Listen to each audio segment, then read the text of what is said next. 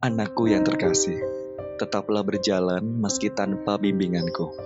Tetaplah melangkah meski tanpa aku di sisimu. Aku percaya, setelah kepergianku nanti, kamu akan lebih hebat, lebih kuat, dan lebih bijaksana. Aku yang terkadang keras mendidikmu, semata-mata hanya ingin mengeluarkan sisi tegas dalam langkahmu kelak.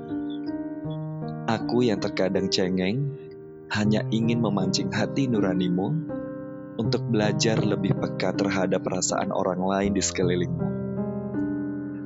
Anakku yang terkasih, maafkan aku sebagai orang tua yang tak sebaik orang tua teman-temanmu di luar sana.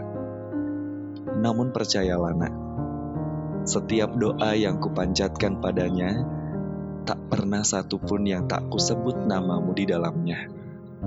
Meski aku tak sesuci Nabi, namun aku percaya, tak satupun doaku untukmu yang Allah tolak. Aku yakin, doa seorang orang tua mampu menembus langit dan menggetarkan arash.